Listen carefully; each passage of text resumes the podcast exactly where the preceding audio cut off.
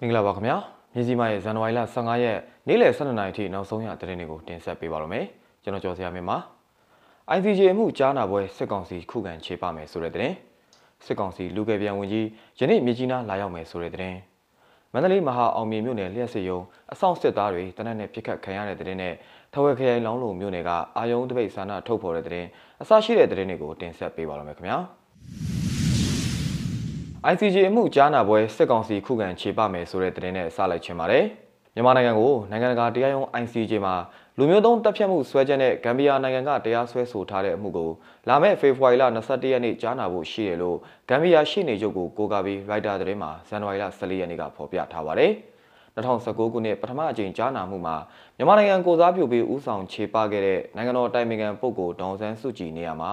တရားဝင်လူစားထိုးပြောင်းလဲထားပြီးပြီလို့ဂမ်ဘီယာရှေ့နေချုပ်ကပြောပါတယ်။ယခုချိန်တရားစီရင်မှုဟာမြန်မာနိုင်ငံမှာစစ်တပ်ကအာဏာသိမ်းပြီးနောက်ပထမဆုံးအကြိမ်စစ်ကောင်စီရင်ဆိုင်ရမယ့်ကြားနာစစ်ဆေးမှုဖြစ်ပါတယ်။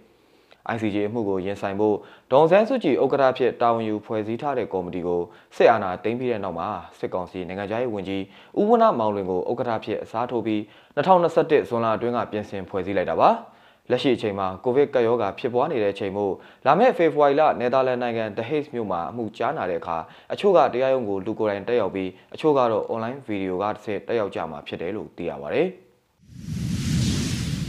စစ်ကောင်စီခန့်လူကယ်ပြန်ပြည်ထောင်စုဝန်ကြီးဒေါ်လတက်ခိုင်မြကြီးနားမြို့လာရောက်မယ်ဆိုတဲ့သတင်းနဲ့ဆက်ချင်ပါတယ်။စစ်ကောင်စီခန့်လူမှုဝန်ထမ်းကယ်ဆယ်ရေးနဲ့ပြည်내နေရာချထားရေးပြည်ထောင်စုဝန်ကြီးဒေါ်တက်ခိုင်ဟာဒီကနေ့ဇန်နဝါရီလ15ရက်နေ့မှာမြကြီးနားမြို့ကိုလာရောက်မှာဖြစ်တယ်လို့သိရပါတယ်။ နေ့ရက်သာလာရောက်မဲ့လူကယ်ပြန်ဝန်ကြီးဒေါ်သက်ခိုင်ရဲ့မြကြီးနားခီးစဉ်တွင်စစ်ဘေးရှောင်တွေနေရက်ပြန်ရေးအတွက်အရက်ဖက်လူမှုအဖွဲ့အစည်းတွေနဲ့စစ်ရှောင်ကူညီရေးဆောင်ရွက်ပေးနေကြတဲ့ဘာသာရေးအသင်းဖွဲ့တွေနဲ့တွဲဆုံဆွေးနွေးသွားဖို့ရှိနေတယ်လို့ကနဦးစုံစမ်းသိရှိရပါတယ်။ပြီးခဲ့တဲ့ဇန်နဝါရီလ10ရက်နေ့ကလည်းစစ်ကောင်စီခန့်နေသက်ရေးရာပြည်ထောင်စုဝန်ကြီးနဲ့လာဝကပြည်ထောင်စုဝန်ကြီးတို့ကမြကြီးနားမြို့ကိုလာရောက်ခဲ့ပါသေးတယ်ခင်ဗျာ။မန္တလေးမဟာအောင်မြေမြို့နယ်လျှက်စစ်ရုံအဆောင်စစ်သားတွေတနက်နေ့ပြစ်ခတ်ခံရတဲ့တဲ့ရင်ကိုဆက်ပြီးတင်ဆက်ပေးကြပါမယ်။မ န္တလေးမဟာအောင်မြေမြို့နယ်လျှက်စစ်ရုံးမှာဇန်နဝါရီလ14ရက်နေ့ညပိုင်းက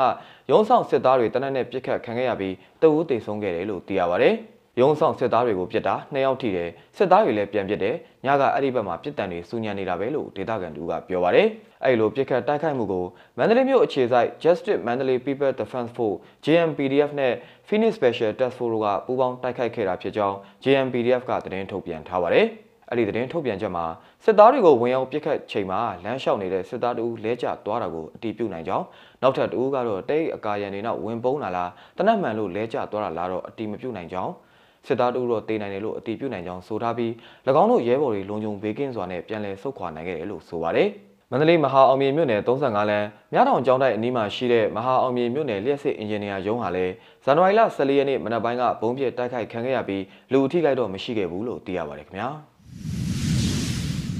လောင်းလုံမှာအာနာရှင်ကိုပုံကန်ကင်းနီပြည်လိုတော်လန်ဆိုတဲ့အာယုံတပိတ်ကိုလည်းတင်ဆက်ပေးကြပါမယ်။တဝဲခရိုင်လောင်းလုံမြို့နယ်မှာဒီကနေ့ဇန်နဝါရီလ15ရက်နေ့မနက်ပိုင်းကအခြေခံပညာကျောင်းသားကျောင်းသူတွေနဲ့လူငယ်တွေပူးပေါင်းပြီးအာယုံတပိတ်ကိုပြုလုပ်ခဲ့ပါတယ်။အဲ့ဒီတပိတ်မှာတော့အာနာရှင်ကိုပုံကန်ကင်းနီပြည်လိုတော်လန်ကျွေးကြော်တန်တွေဟစ်ကြွေးပြီးချီတက်ဆန္ဒထုတ်ဖော်ခဲ့ကြတာဖြစ်ပါတယ်။